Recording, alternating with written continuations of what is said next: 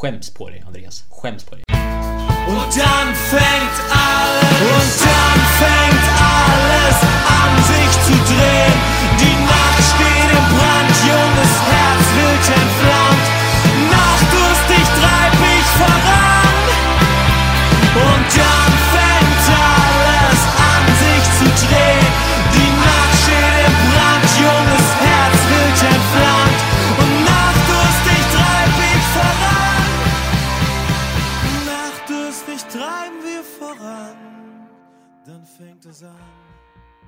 Välkomna till Dreierkette Podcast. Den enda podcasten på svenska som behandlar det mesta av det mesta i den tyska fotbollen. Jag är värd Axel Falk och med mig idag har jag liksom alltid två Erik. Erik, äh, Erik Appelqvist, välkommen. Tackar, tackar.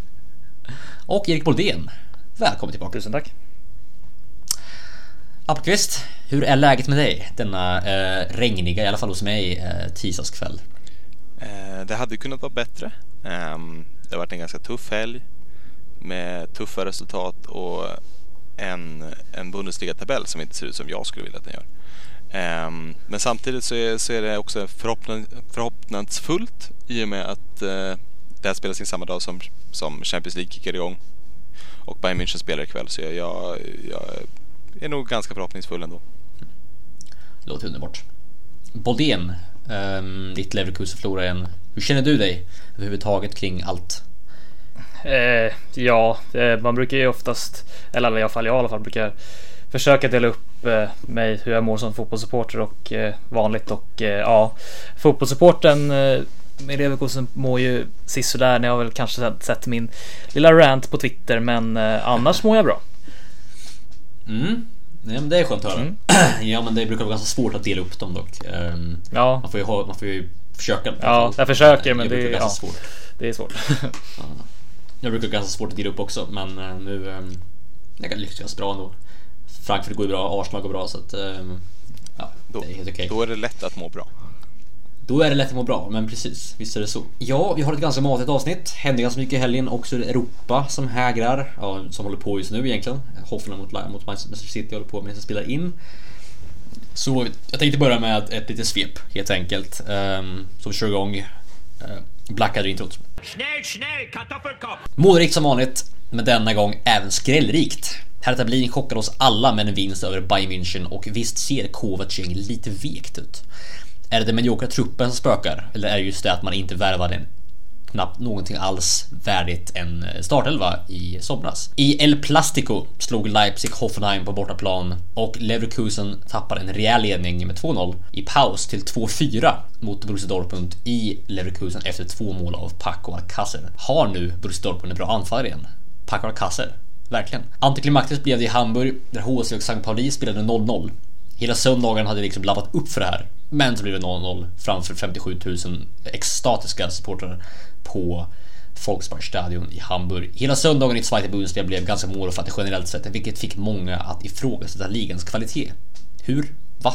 Vänta nu. På Twitter fick jag själv skapligt mothugg efter att ha sagt att Radetski är topp 10 målvakter i världen. Medan kryddkungen Appelqvist försöker spinna det till att jag sa det topp 5. Vad är värst? Inte vet jag.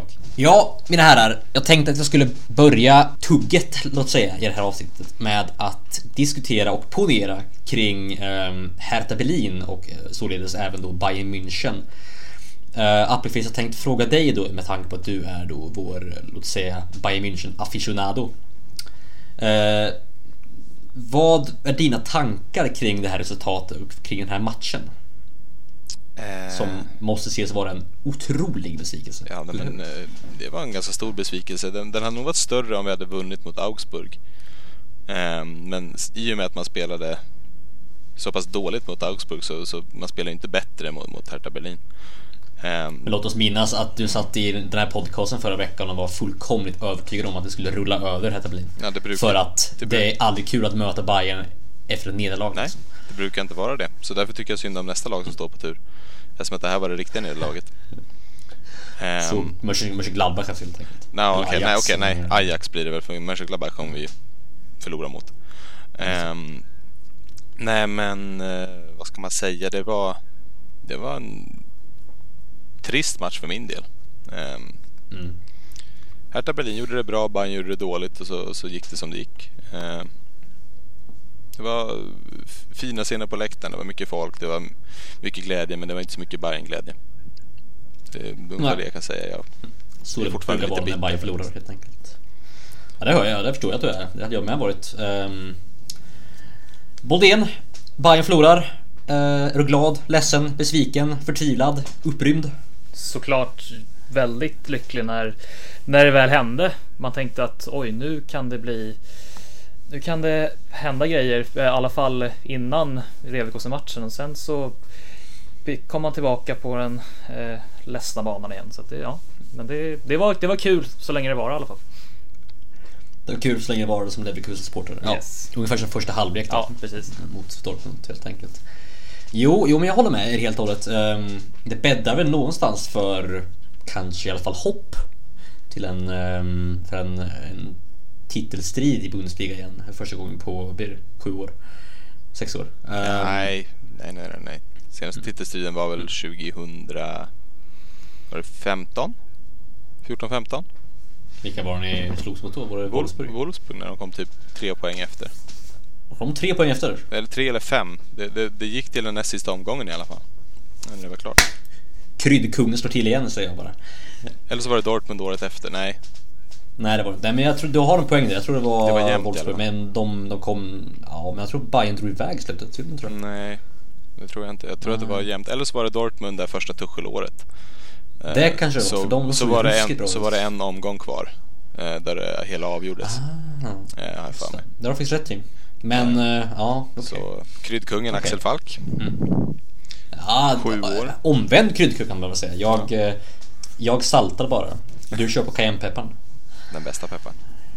Ja, men det håller jag faktiskt med om. Det håller jag med om. Ah, åh, jo, rosépeppar är ju smarrigt. I sås i alla fall. Eh, Men eh, peppar på car- carbonara så är ju svårslaget överhuvudtaget. Ja, peppar peppar. Så är det. Peppar. Ja, precis. Uh, snart så kan vi dra till dit pepparn växer helt enkelt. Um, Hertha Berlin då. Um, Boldén. Det är ändå en klubb som alla, tror alla vi tre inte hade jättehöga förhoppningar på inför säsongen. I alla fall om man kollar på våra tabeller. Um, hur, vad, vad tycker du kring liksom deras dynamik och hur det ser ut i Hertha Berlin? Finns det något hopp för att de ska kunna nå Europa eller hur ser du på det? här? Eh, det tror jag, alltså nå Europa tror jag ändå så.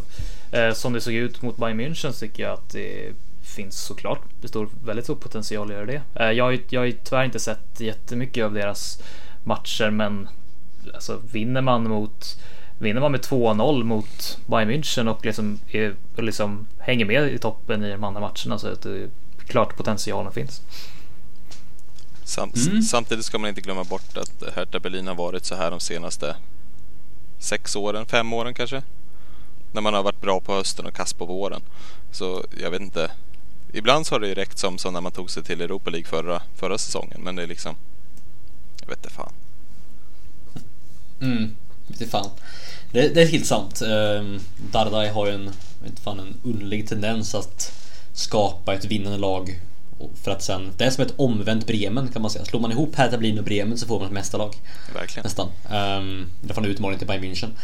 För att eh, var det några, några år sedan det Hertha låg trea, typ trea, fyra någonstans där i januari. Och sen så bara dippade de och föll väl, kommer sjua slut va? Ja, det var väl de och Hoffenheim som, som, och Real Madrid som gick eh, obesegrade längst den, den säsongen. Så var det 2016 var det. Ja, helt sjukt. 16-17 ja, just det. Jag kommer ihåg att jag såg deras match mot Köln när de båda lagen var obesegrade och Hertha vann en match med 2-1 och sen gick de tror jag, tre matcher till obesegrade. Så det, det här var nog november.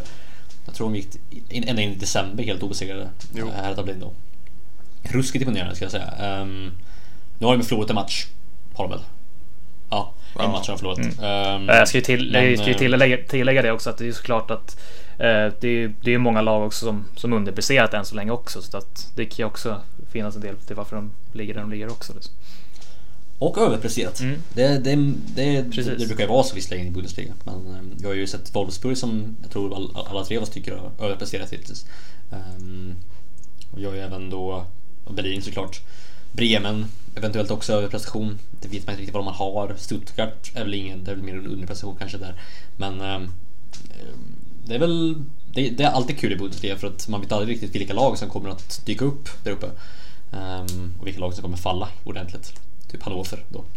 Men um, Alpqvist, hur, hur, långt tror du att det här etableringen kan ta sig? Det är ändå ett ungt lag liksom med mm. en, en stomme som är, om man ser bort från Ibisevic och Jarstein som är rätt så, ja, men, rätt så ung men ändå rätt så etablerad i Bundesliga.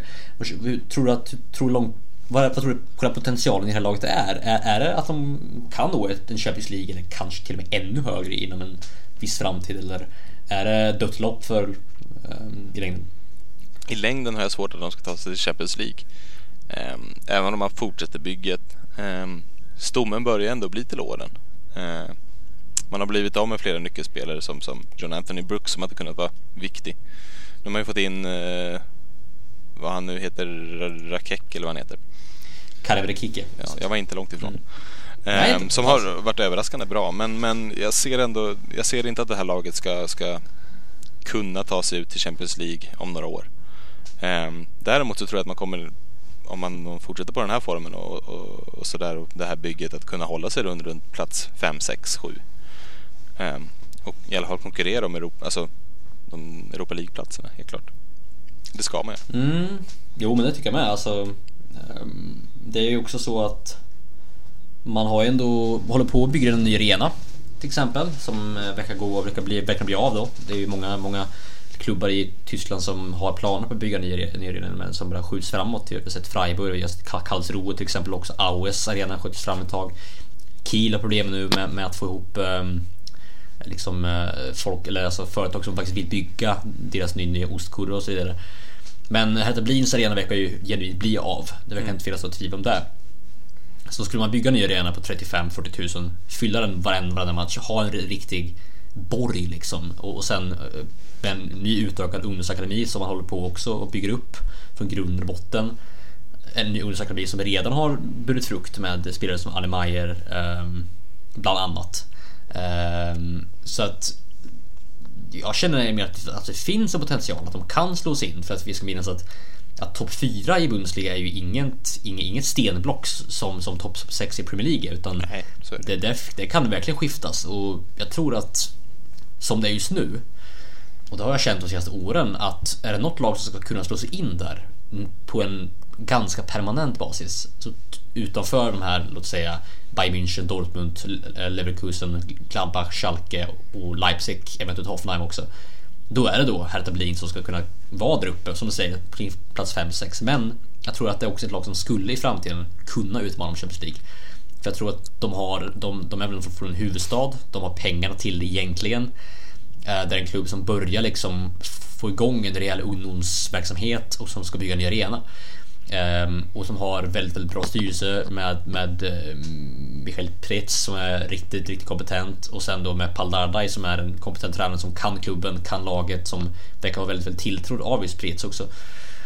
Ehm, och visst, domen börjar bli till åren och Ibisevic och Jarstein är såklart spelare som inte kommer hålla i ens två år till kanske. Men så länge man, en ny målvakt skulle kunna vara en prioritet i framtiden men man har ju ändå Selke som kommer fram som, som, som, som andra striker där. Eh, så jag tror att genuint att det finns en potential för Hertha Berlin att faktiskt slå sig in i eh, ja, men, i det där genuina blocket som hela tiden slåss mellan Europa League och Champions League. Mm. Ja, li, li, likheterna med Gladbach för några år sedan är ju ganska slående. Men eh, mm. Gladbach Två stycken Fabre-lag också. Jo, precis. Ehm, problemet, eller problemet var att det var ju Favre som tog dem till toppen ska man väl säga. Sen har de stannat kvar. Ja, ehm, nu tar ju Favre ett annat lag till toppen, men det...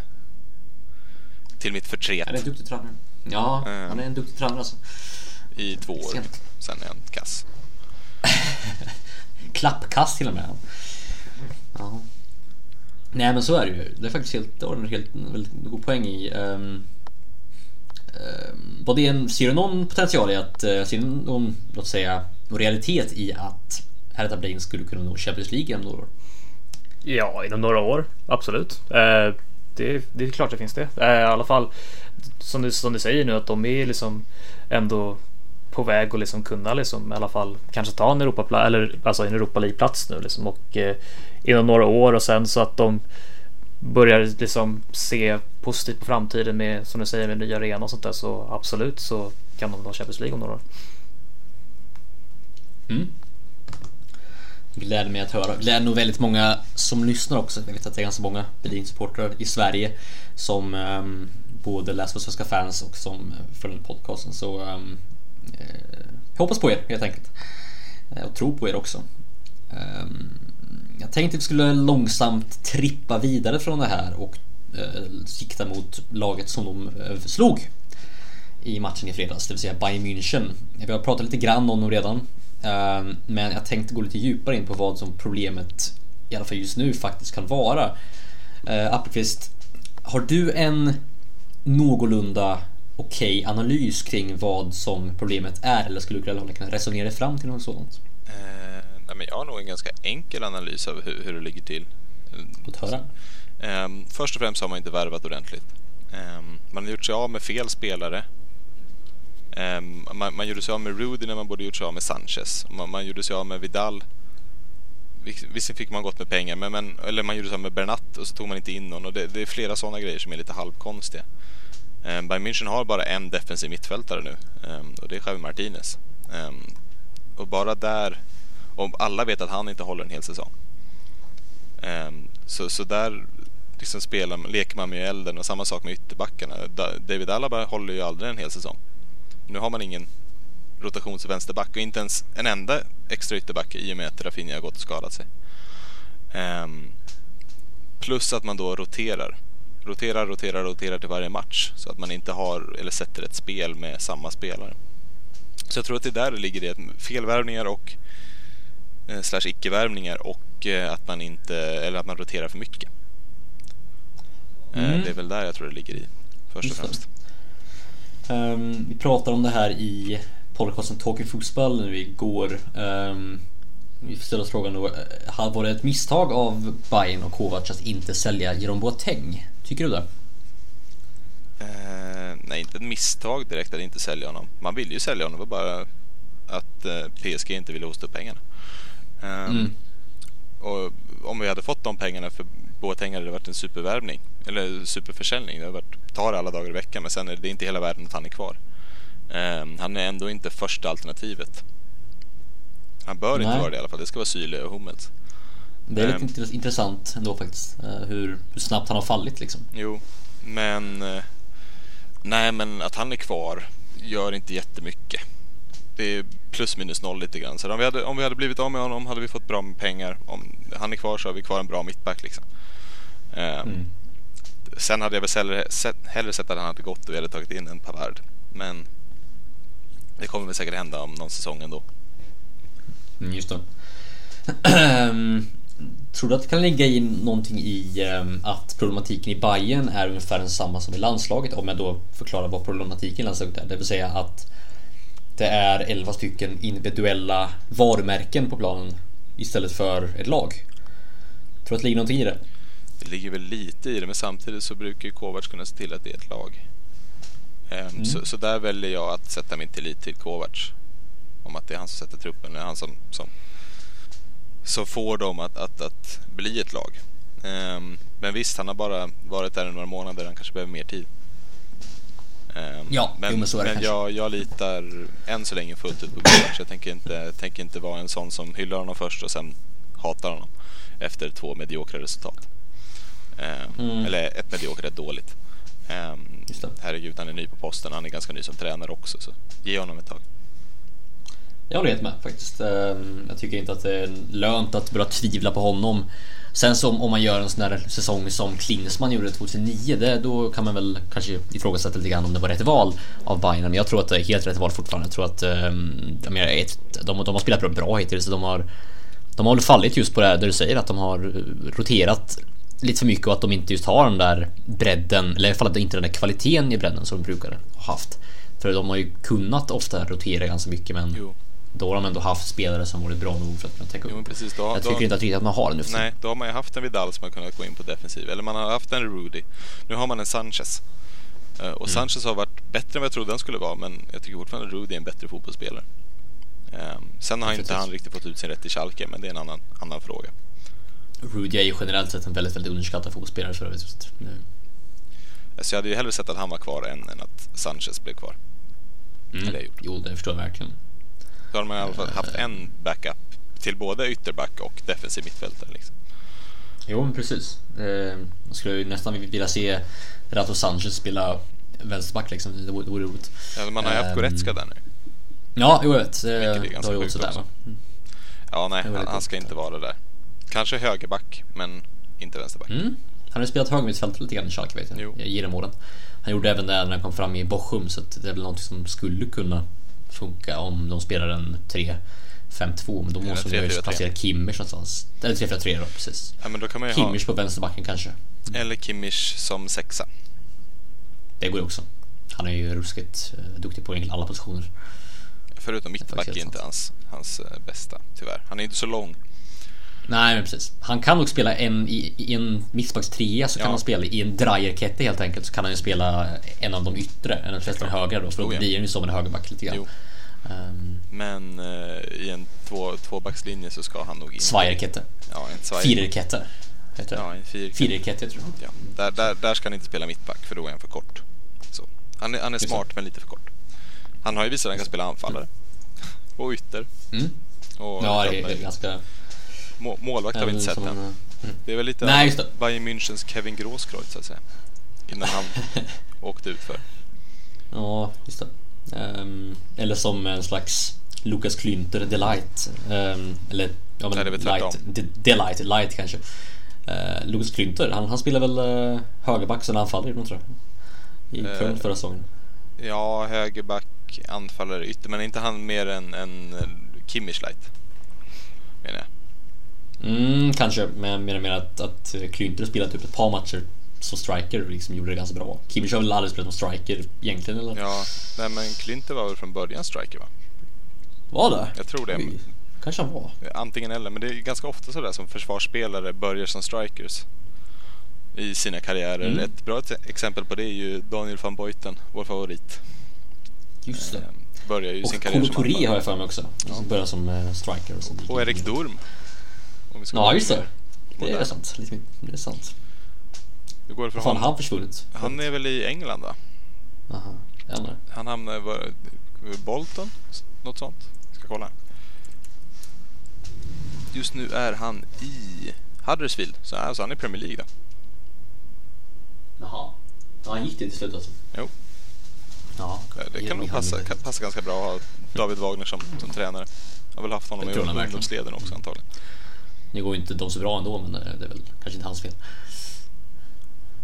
Nej, nej. Eh, Nåväl.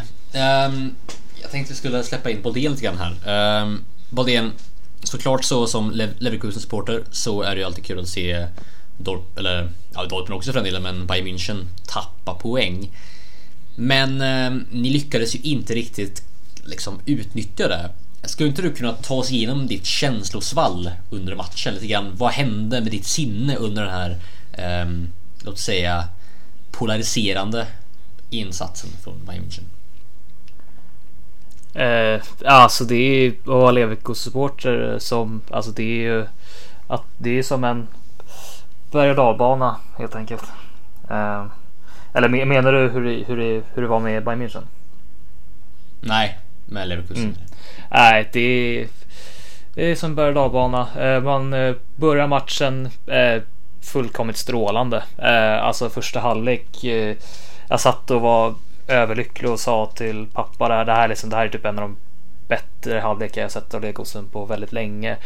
Vi kom in med en ordentlig press och liksom Eh, Dortmund liksom börjar köra felpassningar och det, det ser jättebra ut. Och sen så andra halvlek så känns det typ som att eh, här är det lite som typ det känns som laget fortsätter med pressen igen. Och det, det är där som jag tycker det är lite dumt egentligen. Och det, det är nog också där som eh, matchen faller för Leverkusen. Sen så gör ju även Dortmund en, klart en väldigt stor uppryckning i andra halvlek också. Det är inte frågan om det, men jag tycker, jag tycker vi borde han, hantera situationen mycket bättre. Liksom det, det blir ju verkligen som ett korthus som bara faller väldigt snabbt när de gör de där fyra målen relativt snabbt. Så att eh, ja, det, det var väldigt, väldigt eh, tung, tung dag, helt klart. Mm. Korthus som faller tror jag är en väldigt, väldigt eh, klockren beskrivning av den matchen. Jag kände också lite grann så. Um, det har pratats lite grann om Ralf Hasenhüttel som eh, uh, ersättare till Heiko Herrlich, att man då skulle sparka Herrlich. Vad känner du kring det? Ska, är det en bra idé eller ska man fortsätta satsa på Heiko Herrlich? Vi har pratat om det förr i podcasten. Det kanske förändras nu tänkte jag. Ja, alltså det är väl klart efter den här matchen att man liksom börjar så här. Ah, man börjar bli lite trött på Heiko Herrlich, men alltså jag jag vet inte, jag, tyck, jag vill ändå liksom ge han chansen. Lite chansen ändå, alltså fortfarande. Jag vet inte, jag tycker i alla fall ge, ge några matcher nu ändå. Alltså jag tycker man ser ändå på matchen att det, det såg ändå bra ut stundtals och eh, såklart blir det väldigt tungt med det där klappfallet. Men eh, jag vet inte, jag tycker ändå att senaste matcherna så börjar vi komma tillbaka till ett väldigt bra tempo. Just eh, ja, men vinsten i Europa League och de här två vinsterna innan. Jag tycker ändå. Ja, jag, jag har väldigt svårt att bara liksom. Det, det ska mycket till att sparka en tränare mitt i säsongen sådär, men Hasse Rytte är ju ändå. Det är inget, det är inget jättedumt alternativ så, men jag tycker vänta ett tag till. Jag vet att det är som känns tråkigt så, men jag tycker ändå ett tag till tycker jag. Får ändå vänta med det. Jag håller helt med dig faktiskt. Mm. Jag håller helt med dig. Det känns um, väldigt dumt att sparka dem nu. Um, uh, känns som, som, som jag sa, sagt innan i podcasten om just det här Heiko Herrlich att, att um, det var ett, ett, projekt att ta in honom och det gick kanske nästan lite för bra första säsongen. Uh, förväntningarna blev för höga på honom. Mm. man skulle inte ha väntat sig stordåd första säsongen och när, när det i alla fall relativa stordådet kom så tror jag att man började nästan räkna med att det skulle bli ännu bättre och jag vet inte riktigt. Ehm, men det har bara gått sex matcher.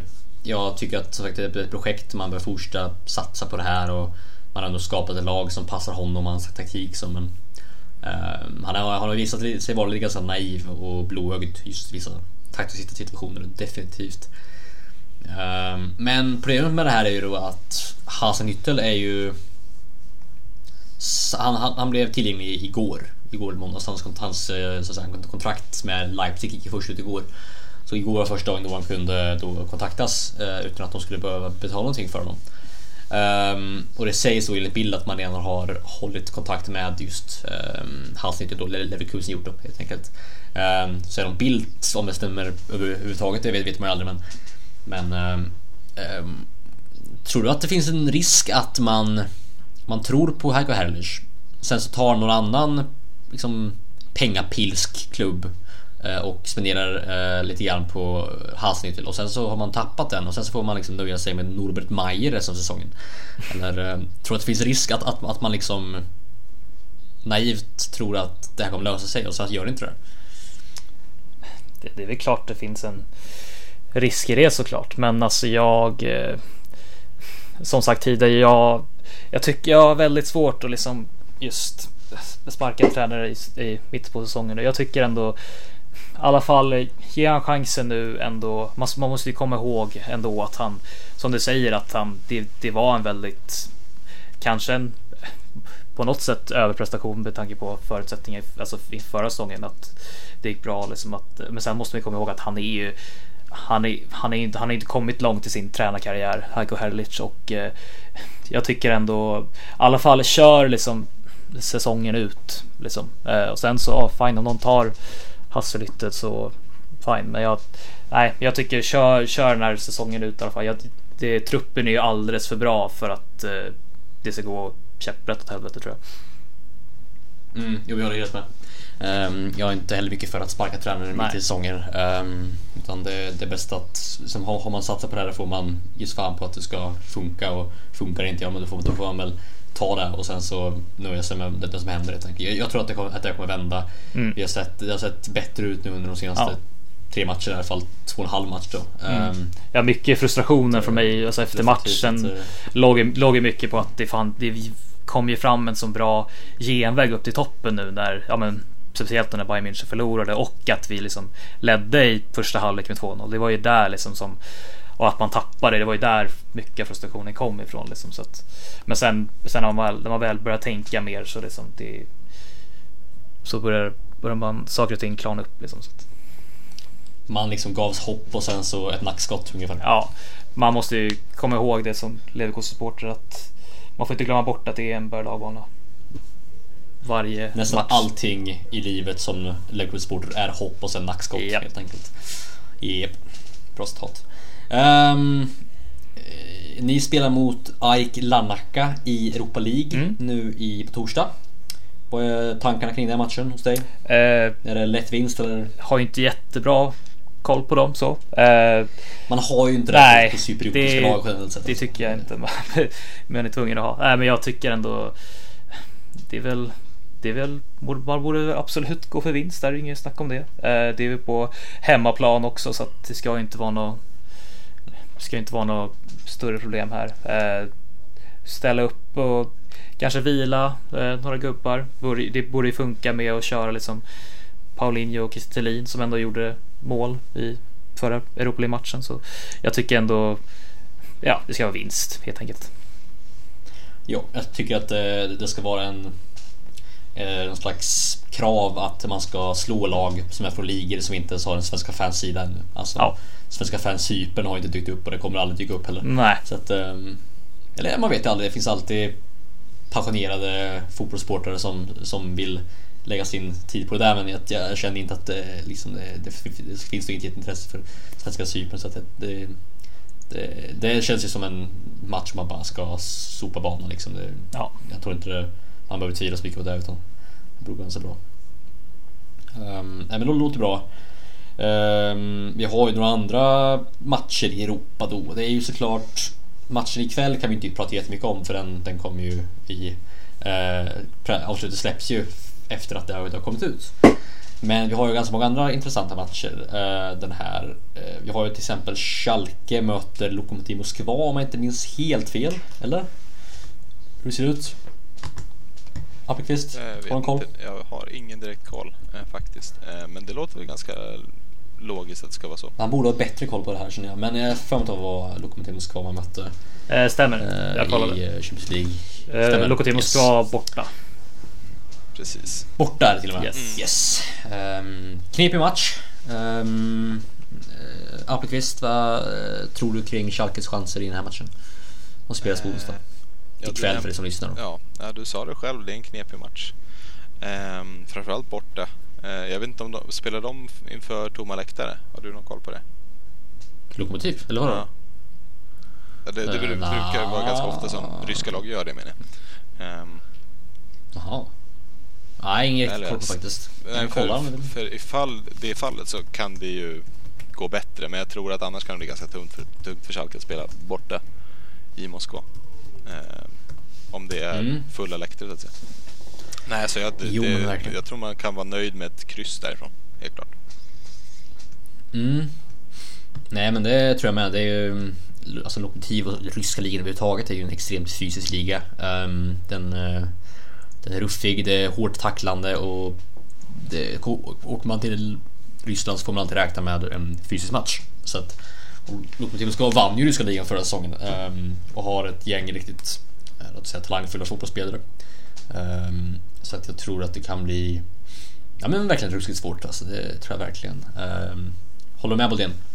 Ja, jag håller med. Det är bortamatch i Ryssland är inte det lättaste. Det är ju ingen drömlottning i alla fall kan man säga. Nej, det är inte det. Så de ska nog inte gå in för allt för höga förhoppningar. Tror jag. Nej, det har väl om inte annat eh, tyskarna under andra årstider och tid-epoker eh, bevisat att en bortamatch i Ryssland den vinner man inte så jättelätt. Jag tänker då såklart på Stalingrad. Um, ja, vad är det mer då? Uh, Frankfurt möter ju då Lazio uh, i Frankfurt. Och det här kommer bli en, låt säga blixtrande tillställning kan jag lova er. Uh, Den, den ska ni nog, om, om ni vill se någonting eh, speciellt så vinner ska ni nog eh, ratta in den här matchen på torsdag kväll. För att eh, jag kan lova er att det kommer bli ett fyrverkeri eh, av supporter potpurri eh, på eh, Waldstadion, Commerzbank Arena i Frankfurt. Överhuvudtaget så har ju Frankfurt-fans som har ju längtat efter det här och sett fram emot det här så otroligt mycket. Och nu får de äntligen en hemmamatch och, och av rang också ska jag säga. Lazio är ett riktigt bra lag. Eh, efter att, efter att ha slagit Marseille bortaplan framför, eh, på, framför då, tomma läktare eh, i en tom stad till och med så, så ställs man nu mot eh, ett egentligen ännu bättre lag fast på hemmaplan och framför då smockfull läktare. Den här matchen har varit utsåld i två månader mer liksom, så att, ehm, um, Den kan jag verkligen rekommendera. Um, men resultatmässigt, Appelqvist, vad tror du att Frankfurt chanser är mot Lazio? Efter förra matchen mot Marseille som ändå vann. Eh, jag skulle ta i om jag sa goda. Eh, skulle jag göra. Jag tror att eh, det kan bli ganska målfarligt eller målrikt möte. Men eh, jag tror ändå att Lazio är storleken för stora. Eh, tror jag. Däremot så vet vi alla att, eh, att eh, Immobile inte kan prestera på tysk mark. Det är väl lite där som, som Frankfurt kanske har sin räddning i sådana fall. Ja, just det. Ja, just det. Den ja. Uh, ja, alltså Lazio har ju öppnat sådär va i, i um, Serie A tror jag. Det har ju Frankfurt också gjort visserligen men, men Lazio är ändå ett lag som ska vara bra. Um, men jag har väl, jag tror väl något liknande att det kommer bli jättesvårt att få något men man vet aldrig. Frankfurt har, eh, de har inte förlorat någon av sina fem senaste hemmamatcher i Europa League. Um, de vann uh, mot Marseille, de slog Hannover på hemmaplan nu och det är ett kokande Commerzbank Arena som, som, som eh, möter Lazio. Eh, som mig vetligen inte har spelat eh, framför fulla läktare på inte hur länge som helst. Så att, ehm, nej men det, det, kan bli ruskigt intressant på många, väldigt många sätt och vis. Ehm, vad är dina tankar kring Frankfurts match efter ehm, ja, hur de har spelat på sistone. Uh, ja, men med tanke på senaste matchen där så tycker jag att de, de, går, de går in med en men ni, ni går in med en väldigt bra känsla liksom. uh, och uh, ska man börja tippa resultat och sånt där. Jag hade, visst hade jag det rätt på Hamburg-derbyt? Ja, ja, det hade du faktiskt. Mm. Så att jag får väl se om detta denna trend fortsätter. Jag säger, jag säger väl en 1-1 där då. Mm. 1-1. Mm. Det, men eh, det ska vi se. Det kanske blir så att vi får lita på dig helt enkelt. eh, vad, gäller, eh, vad gäller det här. Hur, vad gäller resultatet överhuvudtaget. Du blir vår, vår Fivo kan man säga. Eh, vår, vår, vår gud, vår, vår orakel i Delphi som eh, kan alla resultat utan och innan för vad som har hänt. Ja, precis. Där, där får bli... Stuttgart som, som ligavinnare. Stuttgart, ja, ja. Ja, jo, ja, ja, det är ju en, eh, låt säga, någonting som jag tycker att vi alla borde häckla honom för. Och ganska ordentligt också. På tal om att träna som igår, Korkut. Ganska snart tror jag. Mm. Vad tror ni om, eh, på tal om det här, vi kan eh, drifta in på det om ni vill. Ganska intressant faktiskt. Vad tror ni om Hasenhüttel till um, till Stuttgart. Jag satt precis och tänkte på det och tänker att det kan nog vara en fantastisk värvning av Stuttgart. Ja, jag skulle vara... Ehm, jag, jag tror att eh, får man in honom då, eh, det, det är inte liga, liga vinnande men det är nog Europas tror jag. Eh, kanske inte i år men eh, kanske i år men alltså nästa säsong då med Hasenhüttl och, och den truppen man ändå har och de ekonomiska resurser som man ändå besitter faktiskt. Och samt då också de, jag menar den arena och den fan, alltså extrema supporterkultur och bas de har. Det finns mycket att ta av det för hans nytta. Speciellt som är så jäkla upphetsad av, av ungdomar som han är. Eh, ja, inte pedofilaktigt men ni förstår vad jag menar. Um, jag tror det kan bli hur bra som helst.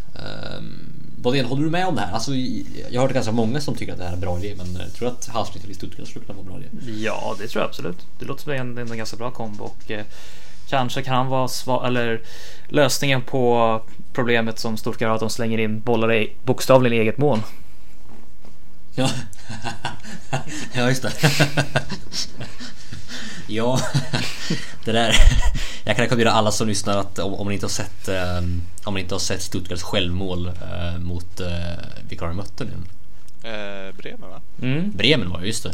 Som de faktiskt vann till slut ändå. Eh, om, ni, om ni inte har sett det självmålet från, eh, är det Borna Sosa som gör det? Eh, han kastar ett inkast mot, mot eh, Robert Sealer som missar bollen. Och han står väl och står typ knyter skorna eller jag vet inte vad han gör. Han bara står och ja, men det är helt borta. Liksom, Nej. Ett helt makalöst hjärnsläpp av, av helt, säga, helt kataklysmisk um, kaliber. Så att um, Ja, det är galet. Riktigt galet alltså. Det kan jag rekommendera alla att hoppa in och läsa eller se om ni inte har sett det innan. Uh, fantastiskt kul. Uh, nej herregud, det är helt galet. Men uh, det är lite som den här säsongens Mark Fläcken, ni vet Duisburgs målvakt. Om ni kommer ihåg det. Ehm, förra säsongen som eh, stod och drack vatten när Duisburg hade ett anfall och sen så vände spelet. Och så stod han kvar och drack vatten och, och, och så kom ett inlägg och så nickade motståndarna in bollen i målet när han stod och drack vatten. Och bara, Va, vad händer nu? så det är ungefär den här säsongens Malmarkfläcken. Eller då um, uh, han i, vet du, Ziegler i Mainz han, han som stod, han som trodde att straffpunkten var bollen. Um, så att, uh, det, det har varit ganska många komiska målvaktsmissar de senaste åren. Det, det här är väl då kanske den värsta vi sett. Uh, är riktigt, riktigt komiskt. Uh, men uh, så är det. De, det kan ju absolut Hasse inte hjälpa till med även om det kanske inte var just kvalitetsmässigt ett problem att det hände. Det var bara ett hjärnsläpp av som sagt kataklysmisk kaliber. Um, Borussia Dortmund då. De möter Monaco. Mm -hmm. På hemmaplan om jag inte minns helt fel. Um, i, på, ikväll då för er som lyssnar. Um, vad är känslan kring den här matchen? Det, jag tycker att det kan bli en ganska intressant tillställning. Monaco har öppnat sin säsong rätt så dåligt i Frankrike medan Dortmund leder ligan. Ehm, uh, Bodén, hur, hur är tankarna kring den här matchen då? Borussia Dortmund mot AS Monaco? Uh, ja, som du säger så kan det bli, kan det bli en väldigt spännande och rolig match. Uh, och eh, som sagt, Dortmund går in nu med eh, vind i seglen med att de leder ligan. Eh, nu vet jag inte riktigt hur eh, Monaco exakt har sett ut i ligan. Så det har, det har gått lite knackigt sa du.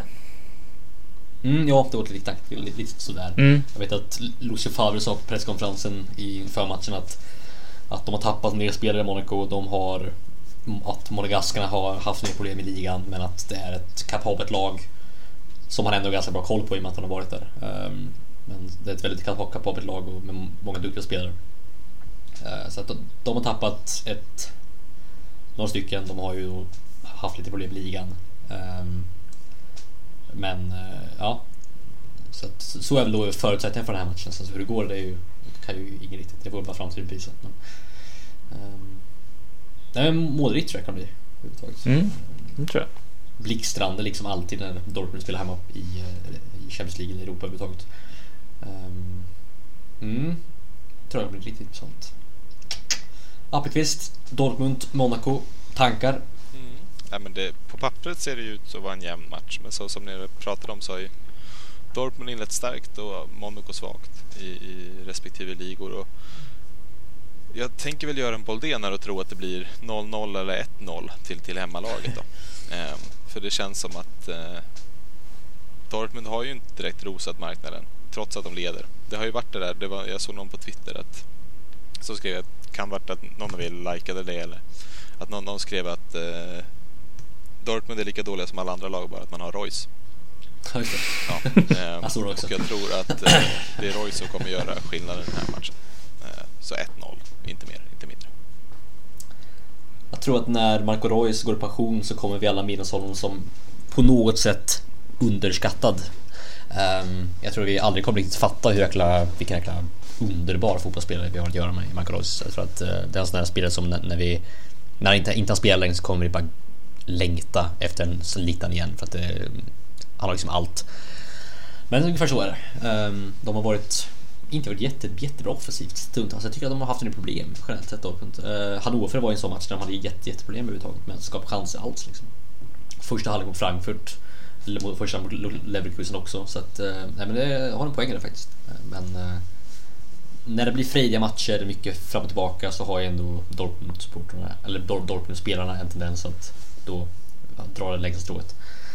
Eh, förra gången Dortmund och Monaco mötte varandra så var det ju ehm, det här, låt säga, terroristangreppet, kan man väl kalla det då, eh, från den där killen som hade lagt aktier, eller pengar på aktier i Dortmund som förväntades att de skulle höjas. Eller det var något sånt där. Eh, så förra gången jag spelade så fick ju då matchen blev uppskjuten en dag. Eh, Monaco vann och matchen borde aldrig spelats egentligen. Monaco-fansen som var i Dortmund fick ju då bo hos massa Dortmund-supportrar. Så här, en fin hum humoristisk gest och hela den här matchen, hela den här grejen, hela upplevelsen blev då, gav då upphov till att Eh, Thomas Tuchel till slut fick lämna Dortmund för att han hamnade i bråk med ledningen. Han tyckte inte att den här matchen skulle spelats, vilket då Watzke tyckte. Ehm, så att det finns en viss historia bakom det här mötet mellan eh, Dortmund och Monaco. Ehm, och eh, det, Det finns nog ganska många supportrar både i Dortmund och i Monaco som då var, var just där och med om det här.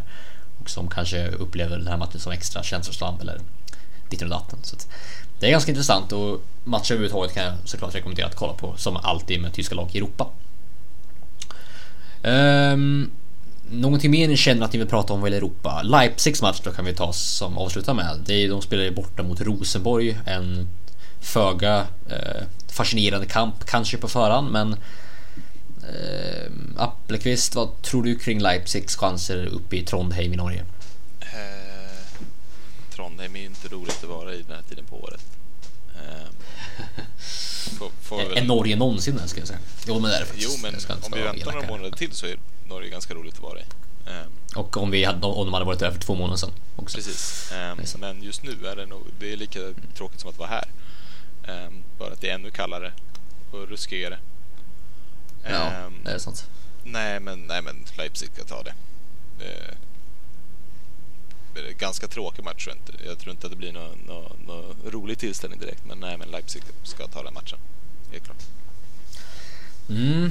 Niklas Bentner mot Ralf Ragnik kan bli intressant överhuvudtaget. Um, Boldén, tankar om den här kampen uppe i norr?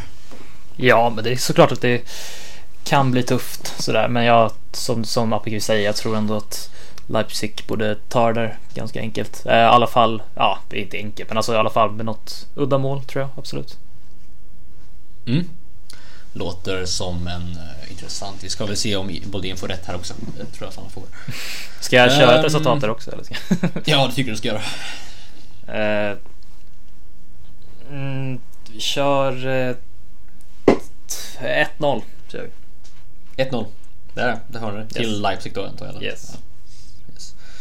Då har vi det. Eh, det är facit här, här efter. Det tycker ni nästan att ni kan betta eh, efter. Um, vad mer? Jo, jag tänkte att jag skulle om inte Appelqvist har någonting att tillägga överhuvudtaget så tänkte jag att vi skulle ta oss in på Svensk svepet. Mm. Jo just det förresten. Jag fick ju mothugg på Twitter. Mm. Nu vet jag att Appelqvist börjar bli lite rastlös eftersom att Bayern München börjar typ just nu, men jo, jag ändå. sitter och blickar. Jag förstår det.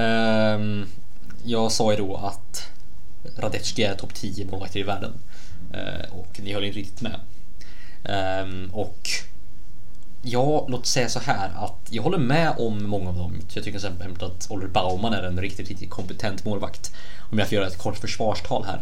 Och jag tycker att Sommer är en kompetent målvakt och i Bundesliga är väl Radetski till, un, under Neuer är han i skiktet som är under Neuer. Det finns, det finns Radetski, det finns Pavlenka, det finns Baumann, eh, det finns uh, Sommer egentligen och Jarstein. Det är de, de fem ska jag säga som är under och beroende på dagsform. Bürki kan hoppa in där men beroende på dagsform så är det ganska mycket större.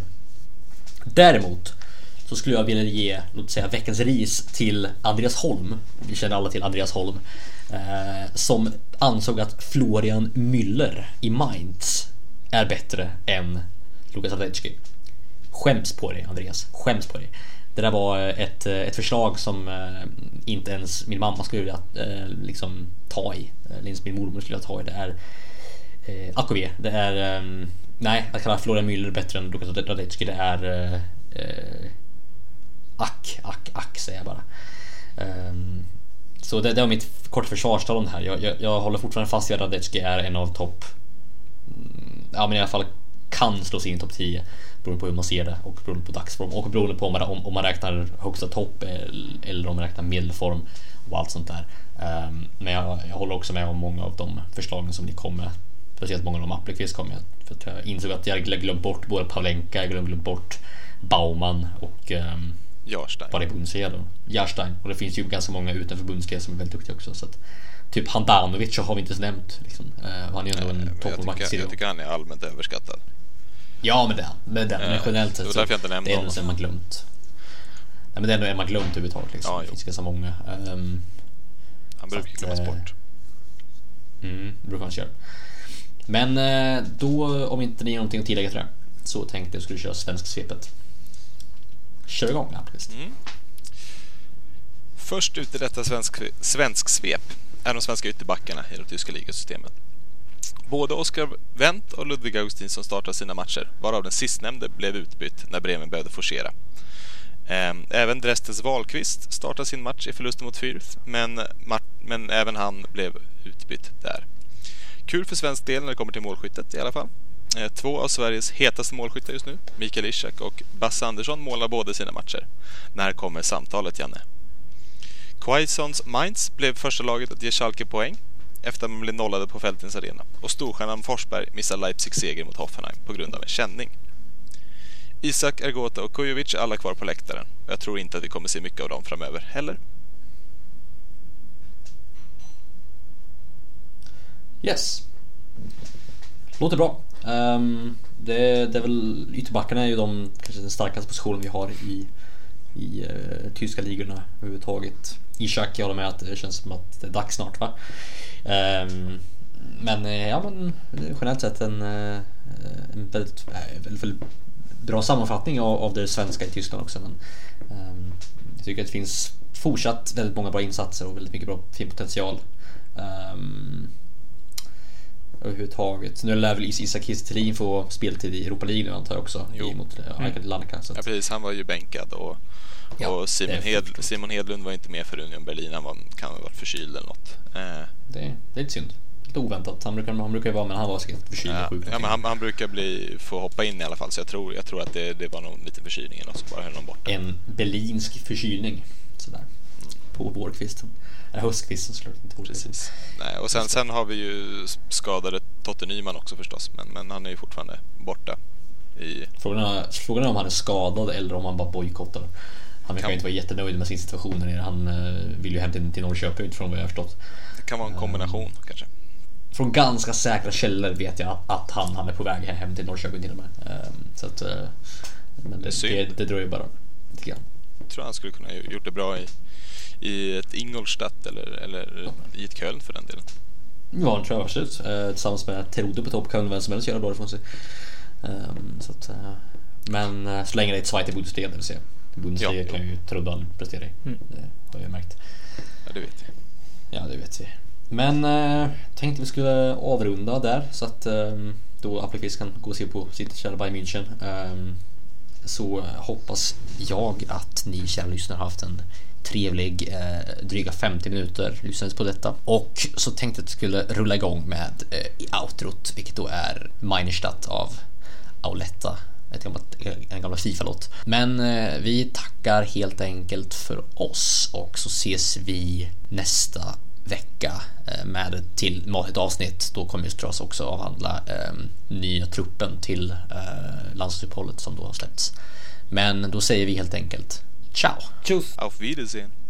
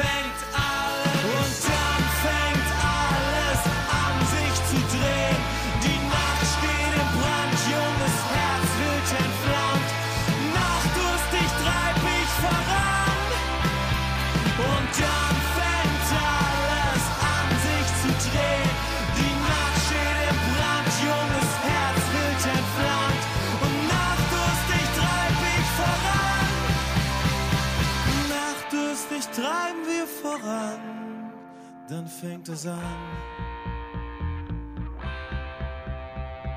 Zünd diese Stadt heute an. Zünd diese Stadt heute an. Wir zünden die Stadt heute an. Und dann